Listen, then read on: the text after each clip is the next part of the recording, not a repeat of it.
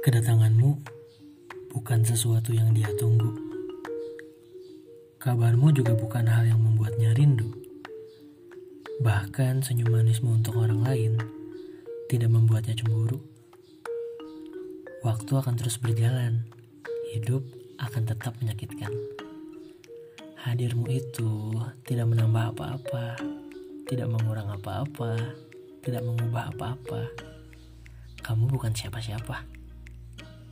Dia akan melangkah dengan atau tanpamu. Jadi, jangan bersikap seakan kau adalah segalanya.